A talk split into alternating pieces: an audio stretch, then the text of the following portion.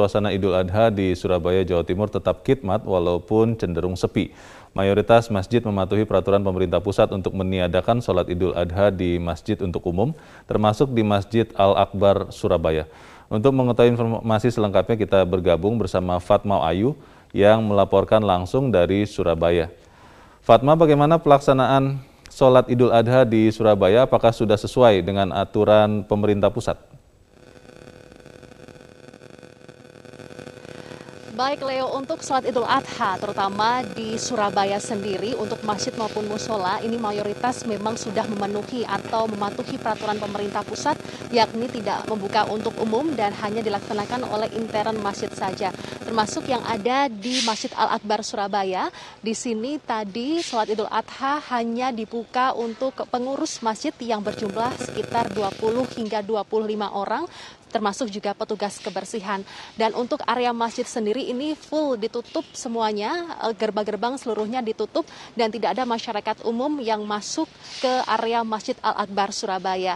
Dan untuk sholat Idul Adha tadi berjalan cukup khidmat yakni hanya sekitar 5 menit saja dengan waktu yang sangat singkat dan juga menerapkan protokol kesehatan dan uh, sholat Idul Adha yang dilakukan oleh pengurus masjid tadi berlangsung pada pukul 6 hingga pada pukul 6 lebih 5 waktu Indonesia bagian Barat.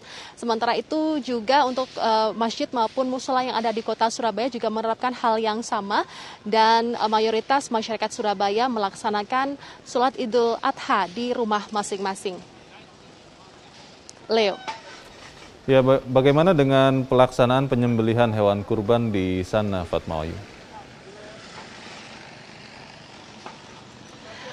Baik Leo, untuk penyembelihan hewan kurban memang pagi ini sudah berlangsung di beberapa uh, masjid maupun musola atau juga RPH, rumah pemotongan hewan yang ada di kota Surabaya. Namun khusus untuk di Masjid Al-Akbar Surabaya, sempat saya berdiri saat ini, memang uh, untuk penyembelihan hewan kurban baru dilaksanakan esok hari, yakni Selasa 21 Juli 2021. Dan uh, di Masjid Al-Akbar Surabaya sendiri esok hari akan menyembelih sapi sapi maupun kambing milik uh, beberapa warga dan juga termasuk uh, pemerintah pusat dan juga pemerintah daerah, yakni seperti ada sapi milik Presiden Joko Widodo dan juga sapi milik Gubernur Jawa Timur, Pangdam 5 Brawijaya, Kapolda Jawa Timur, dan juga pejabat-pejabat yang lain. Untuk sapi kurban Joko Widodo atau Presiden RI Joko Widodo, uh, yakni sapi jenis limosin dengan berat sebesar 1,2 ton lebih dan sapi tersebut berasal dari Probolinggo. Dan untuk sapi kurban milik Gubernur Jawa Timur Kofifadar Parawansa, uh, yakni sapi jenis peranakan ongole dari Lamongan dengan berat 1 ton 5 kilogram. Dan untuk sapi maupun uh, kambing yang ada di Masjid Al-Akbar Surabaya sendiri ini ada sejumlah 18 ekor sapi dan 32 ekor kambing. Ini memang cenderung turun dibandingkan tahun 2020 lalu. Jika tahun 2020 lalu ada sekitar 26 sapi dan 64 kambing. Dan sementara itu untuk penyembelihan sendiri di Masjid Al-Akbar Surabaya besok akan ada sekitar 50 orang petugas penyembelihan yang sebelum menyembelih hewan kurban mereka harus dites swab antigen terlebih dahulu agar untuk mengantisipasi penyebaran kasus COVID-19 dan juga deteksi dini agar uh, jika hewannya sehat maka yang menyembelih juga harus sehat. Sementara itu untuk tata cara uh, pembagian hewan kurban esok hari juga akan uh, dilakukan door to door atau langsung ke masyarakat.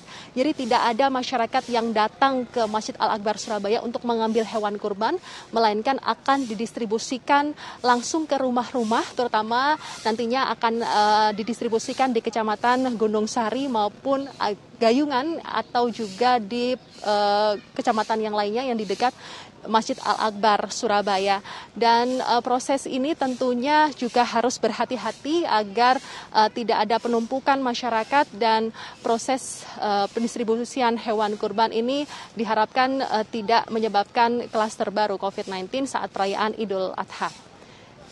Pemirsa Idul Adha tentunya tidak lepas dari olahan-olahan daging ya, masakan-masakan. Hmm. Tapi kayaknya mungkin masih banyak pemirsa yang kebingungan nih harus seperti apa mengolah daging yang tepat uh, di masa Idul Adha 1442 Hijriah ini ya. Nah betul, apalagi bagi Anda pemirsa yang punya kondisi-kondisi tertentu hmm. yang mungkin harus dibatasi untuk konsumsi dagingnya. Bagi Anda nih pemirsa yang masih berpikir bagaimana mengolah daging kurban yang sehat dan juga baik bagi kesehatan tubuh, kami akan ajak Anda berbincang dengan ahli nutrisi Dr. Tan Shotien yang sudah bergabung bersama kami di sambungan virtual. Selamat pagi Dr. Tan. Eh, hey, selamat pagi. Assalamualaikum. Apa kabar? Waalaikumsalam, Waalaikumsalam. Dokter. Kabar baik, selalu sehat. Dokter, ini membahas soal uh, hidangan pada saat Idul Adha. Ini ada daging kambing, ada daging sapi. Orang-orang dengan kondisi tertentu, misalnya kolesterol atau asam urat atau darah tinggi, hipertensi, ini kan harus dalam tanda kutip warning. Ini harus hati-hati. Nah, gimana nih caranya dokter supaya menyajikan uh, hidangan kuliner di Idul Adha tapi tetap sehat nih dokter? Oke, ngomong soal kolesterol dulu ya. Uh, tidak benar bahwa kolesterol itu dipicu langsung dari apa yang Anda makan pada hari ini. Ya. Jadi uh, dari lamannya Harvard juga bisa kita baca bahwa 80% kolesterol manusia itu liver Anda sendiri yang bikin, hati yang bikin. Jadi cuma 20% aja yang berasal dari makanan ya. Jadi nggak usah dipikir tentang itu. Dan yang kedua saya ingin meluruskan tentang masalah kolesterol yang datangnya dari santan saya suka sedih nih kalau lebaran haji, lebaran uh, Idul Fitri, itu selalu kita punya terjulitkan itu adalah santan ya, kelapa ya. Jadi saya ingin memberitahu kepada kalian bahwa yang disebut dengan kelapa atau tumbuh-tumbuhan lah termasuk duren, itu zero hmm. kolesterol, jadi tidak mengandung kolesterol. Jadi sekali lagi yang mengandung kolesterol itu adalah hewan kaki empat, hewan pada umumnya pada prinsipnya adalah hewan yang mampu bisa membuat uh, kolesterol dan manusia. Bahwa hmm. santan mempunyai lemak jenuh, aku setuju banget. Itu sebabnya kenapa kalau Anda masak dengan santan, usahakan santannya tidak usah diangetin berulang. Ya, jadi artinya kalau misalnya Anda dapat hewan kurban nih ya atau beli misalnya ya jadi syarat. Lalu kemudian daging itu Anda bagi sesuai dengan porsi yang akan Anda ingin masak pada hari itu. Jadi misalnya hmm. kalau dapat hewan kurban 2 kilo, jangan langsung 2 kilonya lalu kemudian dicemplung bikin gulai semuanya lalu Anda bingung kok lebih ya.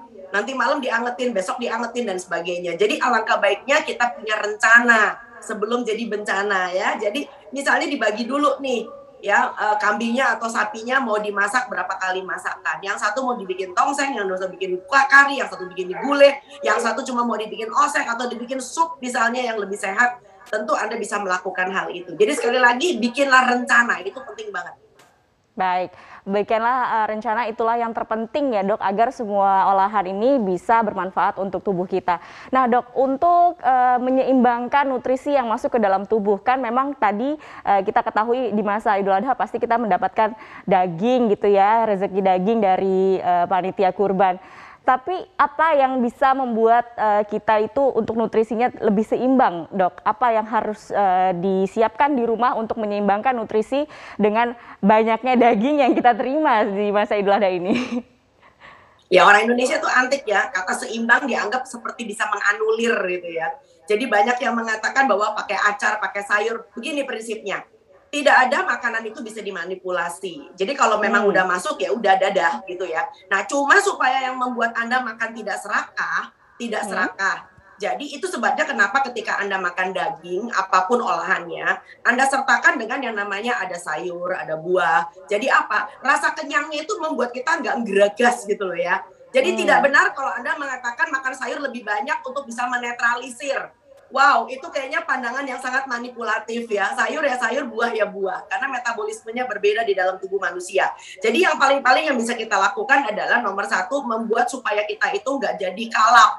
Ya, kabita hmm. boleh, demen boleh, doyan boleh gitu ya. Tetapi nggak boleh jadi kalap. Itu yang paling penting. Jadi kalau Anda asal tahu aja sekali makan, maka barangkali telapak tangan Anda bisa dijadikan patokan ya. Jadi kalau misalnya ini adalah telapak tangan Anda, ini adalah protein Anda satu kali makan. Jadi kalau misalnya Anda tidak makan telur, Anda tidak makan tempe tahu, Anda full hari ini pengen makan daging, maka daging Anda adalah segede telapak tangan, tebal dan lebarnya. Ya, jadi ini hmm. sekali makan dan usahakan kalau misalnya nih, misal supaya lemaknya nggak terlalu banyak. Jadi kalau pagi udah pakai gulai misalkan atau siangnya, maka malamnya bikin sop bening aja gitu. Seperti itu misalnya, Mbak. Pemirsa, menjelang perayaan Hari Raya Idul Adha 1442 Hijriah, Kakor Lantas Polri Irjen Istiono menyatakan bahwa mobilitas masyarakat di tengah pemberlakuan pembatasan kegiatan masyarakat atau PPKM darurat mengalami penurunan 40 persen.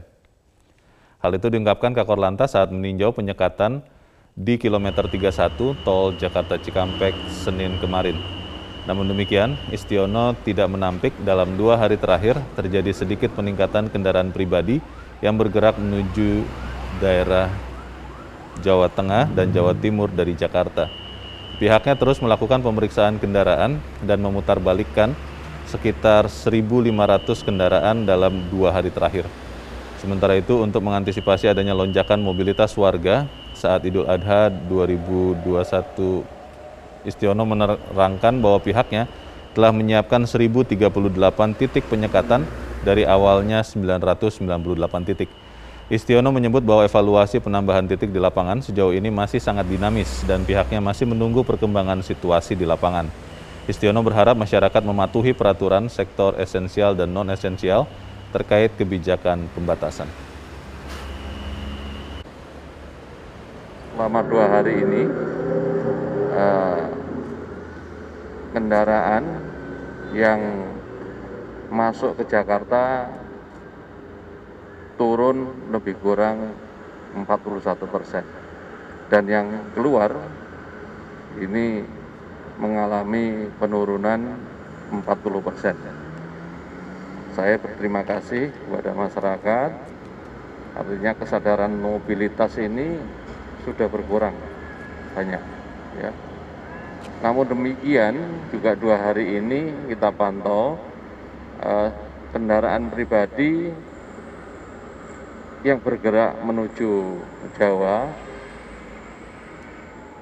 ada peningkatan sedikit dan kita lakukan pemeriksaan kendaraan yang memenuhi persyaratan perjalanan untuk pribadi lebih kurang 1.500 kendaraan dua hari ini yang sudah kita putar balikan. Usai resmi diperpanjang hingga akhir Juli, kami mengajak Anda untuk menyimak pantauan arus lalu lintas dan penyekatan di perayaan Idul Adha yang akan dilaporkan langsung oleh petugas NTMC Polri, Bribtu Kulut, dari ruas tol Jakarta Cikampek, kilometer 31. Bribtu Kulut, seperti apa kondisi lalu lintas di tempat Anda berada saat ini? Terima kasih Leo dan selamat pagi pemirsa. Kami akan gambarkan kondisi arus lalu lintas pada pagi hari ini di salah satu titik penyekatan tepatnya di tol Jakarta Cikampek, Jakarta Cikampek KM 31. Di belakang saya terlihat para petugas gabungan dari anggota Polri, TNI, Satpol PP, dan Dinas Perhubungan yang sedang melakukan pemeriksaan setiap kendaraan yang melintas. Meskipun pada pagi hari ini memang cukup mengalami penurunan volume kendaraan yang melintas dibandingkan dengan hari-hari sebelumnya. Dari pantauan kami juga para petugas uh, memperbolehkan masuk atau meneruskan perjalanan dengan kriteria kendaraan dengan angkutan sektoral, esensial, dan kritikal termasuk kendaraan dinas, kemudian tenaga kesehatan, kendaraan emergensi, dan pengendaranya harus dilengkapi dengan dokumen perjalanan seperti sertifikat vaksin, kemudian hasil tes antigen dengan hasil negatif, dan juga surat tugas atau tanda surat tanda registrasi pekerja atau STRP. Selain kendaraan dengan kriteria tersebut, maka tentu saja akan dialihkan atau dikeluarkan menuju gerbang tol Cikarang Barat 3. Selain juga dokumen perjalanan atau kriteria kendaraan yang diperbolehkan untuk meneruskan perjalanan, fokus dari para petugas juga untuk mengecek penerapan protokol kesehatan oleh para pengendara kemudian kendaraan hanya diperbolehkan mengangkut maksimal 50% penumpang dan juga apabila ada pengendara yang dalam kondisi kurang tidak enak badan pada titik pos penyekatan KM31 ini juga disediakan tenaga medis untuk melakukan tes antigen. Penyekatan ini rencananya akan dilakukan hingga hari Kamis nanti 22 Juli 2021 selama 24 jam. Dan juga untuk kondisi arus lalu lintas sebaliknya dalam kondisi lancar. Selain titik penyekatan di kilometer 31 tol Jakarta Cikampek, ada beberapa titik lainnya di akses keluar masuk jalan tol Jakarta Cikampek yang juga dilakukan uh, pengecekan seperti gerbang tol Bekasi Barat 1, gerbang tol Bekasi Timur 2, gerbang tol Tambun, gerbang tol Cikarang Barat 4, gerbang tol Cikarang Timur, gerbang tol Cibatu, gerbang tol Karawang Barat 1, gerbang tol Karawang Timur 1, dan gerbang tol Cikampek. Besar harapan kami kepada seluruh masyarakat Indonesia untuk mematuhi segala kebijakan yang diterapkan saat penerapan PPKM darurat tanggal 3 hingga 20 Juli 2021 dan juga tetap di rumah saja terutama saat hari libur seperti saat ini yakni hari libur Idul Adha. Uh, untuk informasi terkini kami siap melayani Anda di 15669 atau bisa juga melalui SMS Center di 9119. Stop pelanggaran, stop kecelakaan, keselamatan untuk kemanusiaan Indonesia tertib, salam presisi.